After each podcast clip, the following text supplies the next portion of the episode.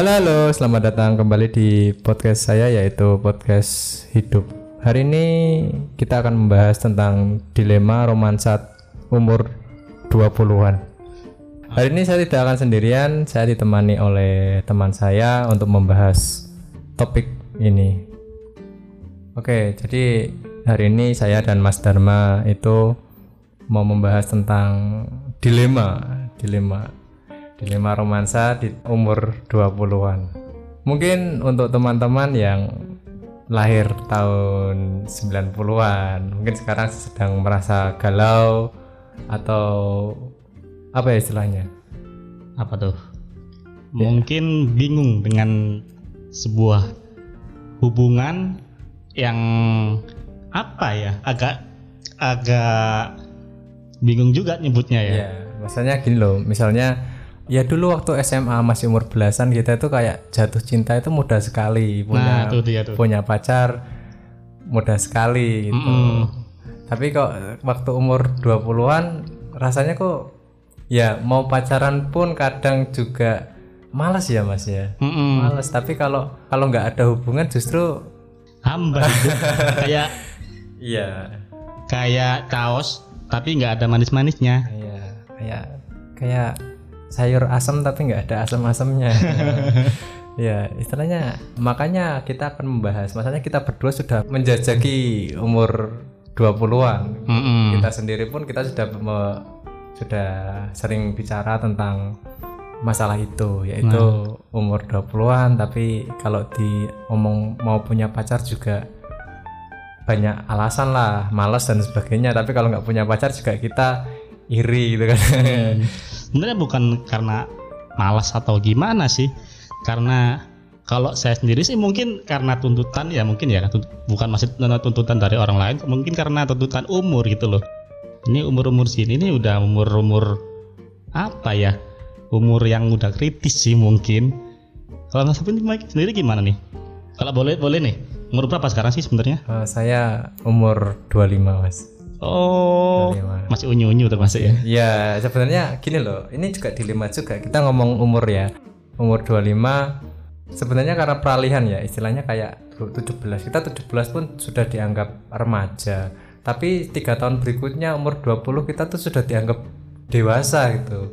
Mungkin itu kayak istilahnya jadi orang itu kok kayak kita menanjaki jalan. Tiba-tiba tanjakannya itu langsung dus ke, ke atas gitu loh kayak ke atas. Jadi kadang nggak kuat. Takut merosot gitu iya ya? takut merosot gitu loh. Kan kita kan misalnya ya kayak orang-orang misalnya umur 25 itu harusnya udah produktif. Kalau apalagi kalau cewek ya kalau cewek kan tuntutannya umur 23 itu sudah nikah. Tapi imbasnya itu ke cowok gitu loh. Sebenarnya menurut sendiri sih gak, gak bukan karena imbas ke eh, umur cewek yang kebalikan dari cowok sih. Kalau menurutku sih ya emang bener kalau cewek itu mungkin di kisaran umur 25 eh, 23 25 itu udah udah fase-fasenya lah. Tapi kalau menurutku sih cowok sih bebas gitu. Cuman ya karena kembali tadi sih karena juga lingkungan kita yang sudah terbiasa dengan eh, patokan umur gitu ya. patokan umur lah. Ah, seperti itu jadinya ya agak sensi juga kalau ada orang yang tiba-tiba nanyain apalagi biasanya nih kerabat-kerabat kita atau saudara kita berkunjung pasti pertanyaannya sama gitu kan pasti juga semua bakal mengalami gitu Iya, itu dilemanya ya. Ah, Tapi ah. sebenarnya hidup itu kan bebas, mau menikah umur berapapun itu kan pilihan sendiri. iya Ya, terus ya ini masalah hubungan Mas Mas Darmo ya. Kita hubungan itu kan yang seperti saya tadi umur 20-an itu sudah tidak saatnya untuk main-main gitu main-main menurut saya tapi atau menurut Mas Darmo bagaimana juga nggak tahu. Menurut saya umur 25 ya ini saya sendiri sih, mungkin banyak orang lain yang punya pemikiran yang berbeda ya. Hmm, Menurut saya sendiri itu umur 25 itu sudah harusnya tidak lagi ada namanya drama. nah itu dia tuh Drama ya kan dulu waktu misalnya ya saya dulu pernah pacaran tentu saja gitu loh.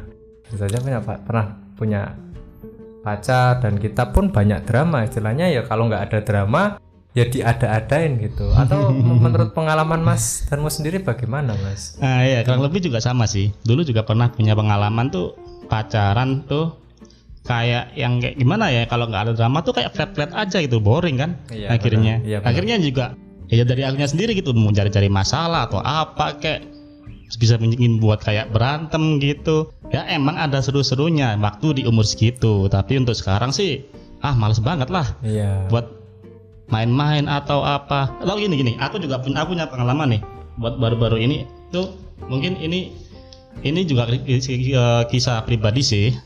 Pernah tuh aku su- suka sama cewek tuh kan. Suka karena aku udah cewek. berkomitmen nih. Aku kalau aku gak pengen lagi pacaran jadi kalau emang tuh cewek menurutku aku itu cocok ya udah gitu langsung aja ngapin perasaan. Kalau emang mau dijak serius ya udah kita jadi. Uh, tapi kenyataannya juga ya you know lah karena kan juga cewek mereka berhak memilih sih. Pada patokan umumnya sih gitu kan. Cowok cowok men- eh, maksudnya cowok menang memilih tapi kalau cewek menang menerima atau menolak, Menolak. nah itu tuh. Hmm, gitu. Tapi tapi itu ujung ceritanya ditolak ya mas ah itulah sedihnya oh ditolak sedih banget anjir Iya, sedih banget ya.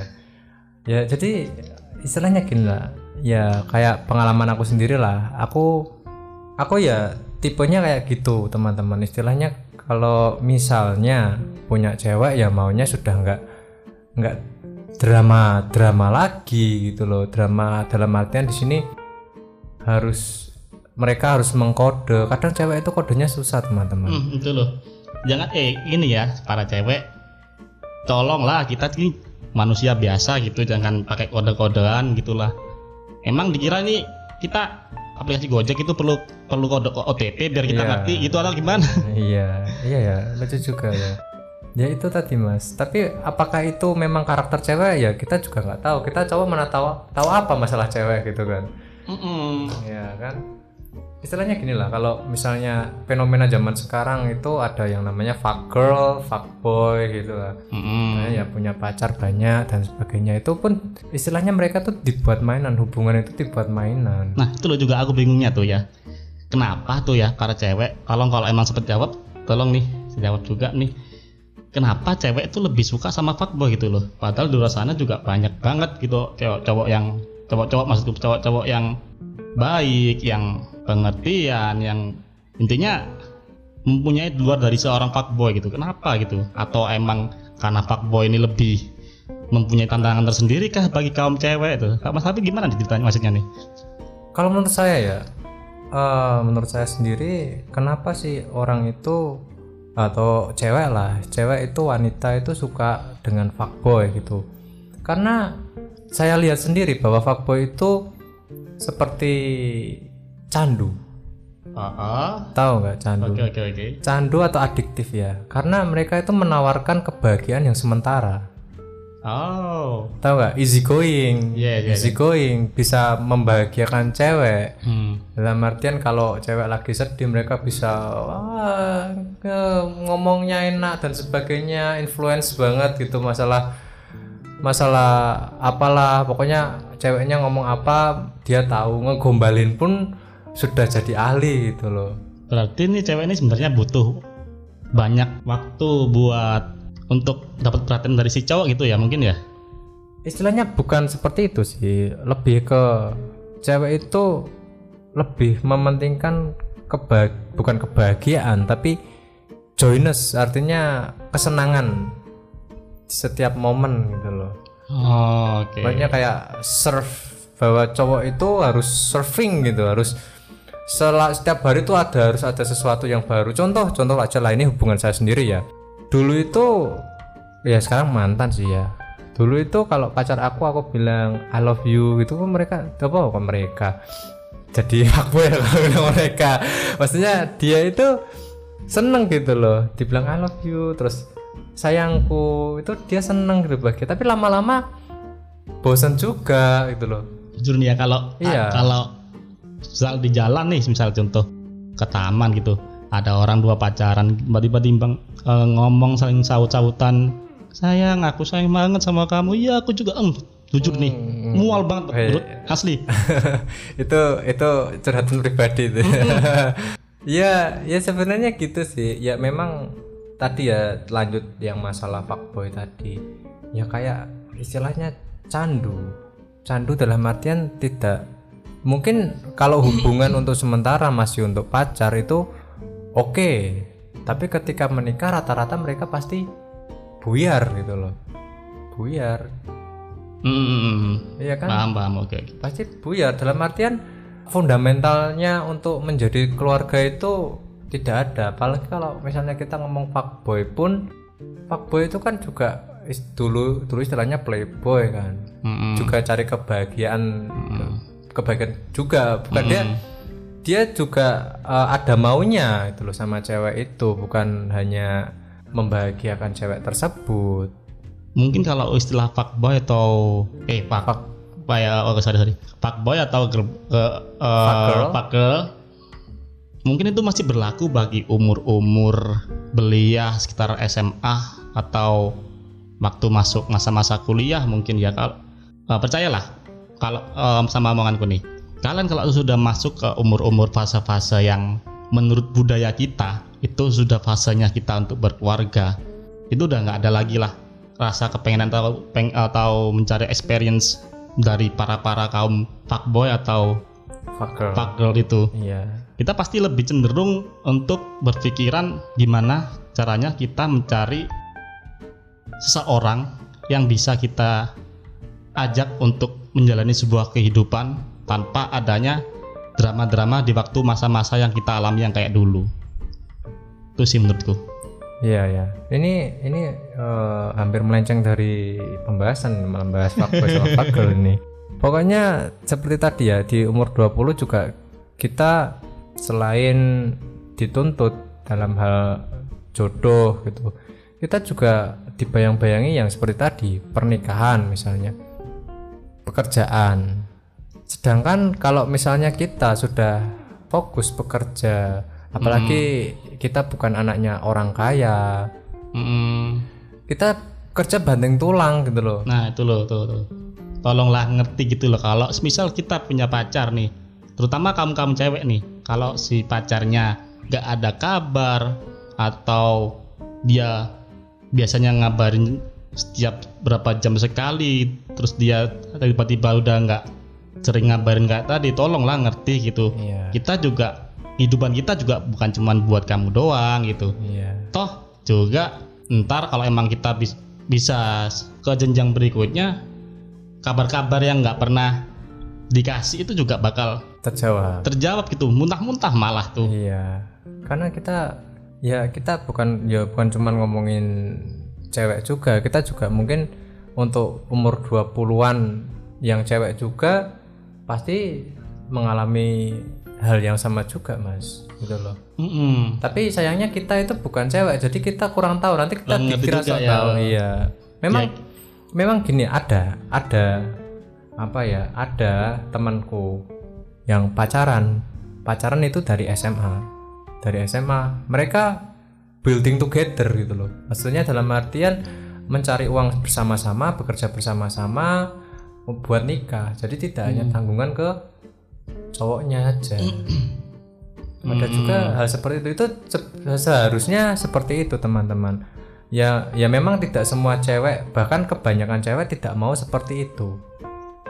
Tidak mau kita menjalin hubungan itu ayo sama-sama menabung kita buat nikah. Kita berusaha bareng semenjak pacaran. Itu jarang sekali. Sedangkan yang biasa diinginkan ya semua itu ya tergantung cowoknya. Ini Itu bukan mengejat cewek ya Ah. tapi aku mencontohkan bahwa ada hubungan itu yang sesehat itu. Itu sih kalau menurutku perlu yang benar-benar dari kedua pihaknya itu emang punya tekatan atau komitmen yang benar-benar kuat sih kalau menjalani sebuah hubungan kayak gitu. Iya komitmen. tapi kan juga jarang banget gitu yang punya sebuah eh, seorang pas- ya bukan seorang ya pasangan yang mempunyai pemikiran seperti itu jarang banget. Kebanyakan tuh ini bukan berpikir kita nggak berpikir munafik nih ya pasti banyak yang ber- eh, memikirkan dirinya sendiri egonya sendiri gitu loh. Tadi buat membangun sebuah komitmen yang seperti itu tadi itu sulit sih kalau menurutku sulit ya, Eh, sulit ya begitu tadi kayak kita rekap ya yang pertama memang cowok itu berjuang tapi cowok berjuang salah karena kita tidak punya waktu untuk memanjakan si cewek, Cewek. Oh. Tapi kalau kita mau ngajak berjuang sama-sama, terkadang pasangan kita yang tidak mau. Mungkin ini pandangan dari cowok ya. Mungkin teman-teman yang cewek ya jangan emosi. Tapi ini kita memberi masukan juga. Mm-mm. Nanti kita diserang sama feminis nanti. Nah, dikira, mungkin "Ah, kayaknya perlu ada sesi seperti ini, tapi tamunya ini harus cewek deh. harus cewek ya. Heeh, biar nggak berat sebelah, ntar dikira berat sebelah Iya. apa nih? Masa belah cowok terus ceweknya mana nih? tapi gitu. tapi kalau saya mau ngundang bintang tamu wanita ya kalau di kamar seperti ini bahaya juga mas Darmo ya, ya Mas ya, Dharma ya. oh, ya. ya ini kan podcast tentang hidup ya. Jangan Ah. jangan berpikiran negatif. Ini tentang hal-hal yang positif. Jadi eh, kembali lagi ke tema yaitu balada romansa di umur 20-an selain alasan-alasan tadi mungkin ada alasan lain dari Mas Darmo? Untuk umur-umur segitu sih kalau dari pengalamanku sendiri juga mungkin pengalamanku dulu agak-agak berat juga sih. Gak terlalu banyak mengalami hal-hal yang sampai drama banget gitu ya. Emang ada dramanya tapi juga dramanya nggak nggak kebangetan sih mungkin kalau aku sih. Jadi kalau yang bisa aku bagi untuk umur-umur yang baru baru menginjak umur 20-an jangan punya harapan lebih kepada seorang pacar sih kalau kalau pendapatku karena apa? Kecewa itu sakit banget loh asli. Kecewa tuh kayak kita nyetir motor nih tiba-tiba ban meletus tuh. Nah ya tuh perjuangan buat dorong motor ke tukang tempel ban tuh berat banget jauh banget anjir. Hmm, jadi jangan terlalu berharap lah. Jangan terlalu berharap ya. Mm-mm. tetap tapi istilahnya kita harus tetap positif lah positif thinking. Pasti jodoh itu ada. Heeh, kalau cuman buat untuk pengalaman atau buat mengisi-ngisi buat kosongan kekosongan hubungan oke lah. Tapi ya jangan terlalu terlalu dalam juga gitu. Ntar jadinya terlalu kebawa perasaan terjadi hal yang nggak diinginkan itu kan. Kita juga tahu-tahu juga kan di luar sana banyak banget tuh kasus-kasus yang kayak gitu tuh. Terlalu, menjalin sebuah hubungan akhirnya terlalu dalam menjalin sebuah perasaan akhirnya dar tuh jadi lah tuh. Oh. apa tuh, tuh namanya tuh berarti itu istilahnya kayak dibutakan oleh cinta. Ah itu loh. Ah, ah. dibutakan oleh cinta. Itu dia kalau kata ibu saya itu gara-gara cinta tai rasa coklat gitu pernah makan tai ya mas? Hah? pernah makan tai ya? Enggak juga. Itu lagu itu mas. Lagu, Oh, lagu ya. Lagu itu. jadi seperti yang saya katakan mungkin kalau mau dengar podcast sebelumnya yang saya ngoceh sendiri itu yaitu istilahnya kalau kita sudah dibutakan oleh cinta pasti sekali kecewa hancur semua. By the way, by the way ini mm, Mas Dharma ini sudah menjomblo sejak umur berapa? aduh Terakhir terakhir kali pacaran dan menjomblo umur berapa? ah umur berapa ya terakhir sih di tahun 2017 2017 umur 2017 berarti itu sekarang tuh umur 27 berarti 2017 umur ya berapa tuh 20 berarti ah, ya. ah tuh Sekitar 20. Terus kan. Nah itu tuh terakhir aku punya pengalaman pacaran tuh itu asli goblok banget sih sebenarnya rasanya aku. Dari ceritanya, ceritanya tuh waktu masih aku kelas 2 SMA tuh aku disuka sama adik kelas tuh kan. Tapi ya ya jam jaim dikit gitulah. Akhirnya di akhirnya sampai masuklah tuh di pertengahan kelas 3 SMA tuh dia memberanikan diri itu kan. Kayak gimana itu malah ceweknya yang agresif daripada cowoknya tuh kan. Tapi kenyataannya kayak gitu sih. Jadi dia akhirnya tuh ngomong tuh perasaannya ke aku tuh. Aku juga waktu itu juga lagi kosong kan. Jadi ah oke lah. Coba lah yang iseng berhadiah gitu. Terima lah tuh. Akhirnya jalan kan kita. Jalan sekitar lima bulan mungkin tuh. Nah tuh ketahuan tuh belangnya tuh dia tuh. Selingkuh dia. Akhirnya ya udah emosi kan. Putus nih akhirnya nih. Putus waktu itu aku udah ke ini udah masuk kuliah di Jember tapi itu. Putus udah putus selama kuliah di Jember. Aku pacaran lagi di sana tuh. Itu main awet sih satu satu sekitar sekitar satu tahun lah tuh. Kira udah selesai kuliah balik lagi nih ke Pasuruan. Eh dia kok malah ngubungin lagi gitu kan? Setelah ngubungin kok makin deket rasanya aku dia ngubungin aku ya kok ada sesuatu nih. Oke coba nih aku buka lagi nih hati buat dia nih akhirnya kita balikan jalan lagi. Selang jalan sekitar tiga bulan eh kumat lagi penyakit dia malah selingkuh. Kan kampret gitu loh. Jadinya balik lagi ke tadi lah kalau emang tuh cewek. Oh misalnya cewek? Misalnya kalau aku sendiri ya kalau emang tuh cewek nggak ada niatan untuk serius ya udahlah jangan terlalu dibawa perasaan lah. Kalau cuma buat happy happy ya oke itu lah. Tapi juga happy happynya jangan kelewat juga gitu. Jangan kita happy, woi, dan saling suka, akhirnya melakukan sesuatu yang nggak nggak di yang bukan diharapkan gitu kan, itu loh, intinya jangan terlalu bawa perasaan lah gitu. Asli kalau cewek tuh sakit banget, kita udah berharap tapi dianya sendiri malah nggak malah nggak bisa membalas harapan kita gitu. Tidak memenuhi harapan ya. Istilahnya mm -mm. ekspektasi kita itu sebenarnya terlalu tinggi. Terlalu tinggi ya? Iya uh -uh. ya jadi ini juga fenomena. Fenomena anak zaman sekarang itu selalu memberi harapan. Nah uh. tuh pinter banget tuh kalau ya ya pinter sekali. Mm saya saya pun punya pengalaman seperti itu teman-teman. Tapi ya karena ya saya sudah sudah sudah merasakan banyak pahitnya cinta ya. Seperti cepat kayak itu. Cepat kayak ya, cepat kayak kan cinta itu ya pahit lah. Jadi kalau misalnya ada cewek gitu kode-kode lah biasa kode-kode. Terkadang ya aku mikir aku mikir bukan hanya mikir cuma melihat dia itu seperti apa. Yang ketara ya di sosial media tentu saja saya lihat gitu loh. Dia itu seperti apa sih? Apa dia itu memang benar-benar melihat saya spesial? Apakah dia melihat orang lain juga spesial atau memperlakukan hal yang sama kepada orang lain?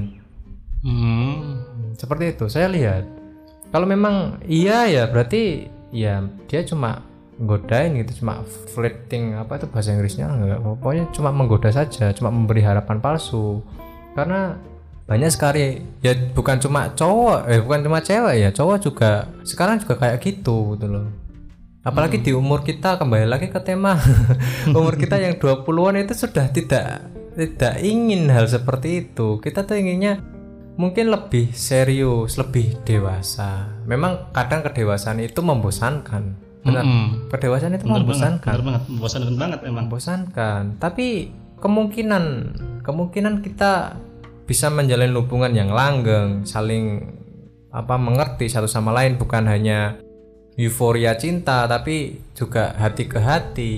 Kita membuat hubungan yang romansa benar-benar romansa, tidak hanya adiktif semata yang awalnya aja suka-suka tapi akhirnya jadi malah petaka. Wah, hebat nah, sekali kata-kata Udah kayak ini ya, apa tuh istilahnya tuh? Don Juan, Don Juan apa sih tuh? Apa? Kayak Don Juan, Don oh, apa Don sih? Juan. Oh, Don, oh, Don Juan. Don Juan. Don, Don Juan itu playboy yang terkenal Don Juan itu. Istilahnya kembali lagi bahwa di umur 20-an balada romansa itu pasti ada. Kita mau menjomblo, menjomblo pun kita susah, punya hubungan pun susah. Kalau misalnya pasangan kita tidak mengerti dengan kehidupan kita di era 20 di umur 20-an ini. Ya seperti itu ya kira-kira ya. Mm -mm, itulah.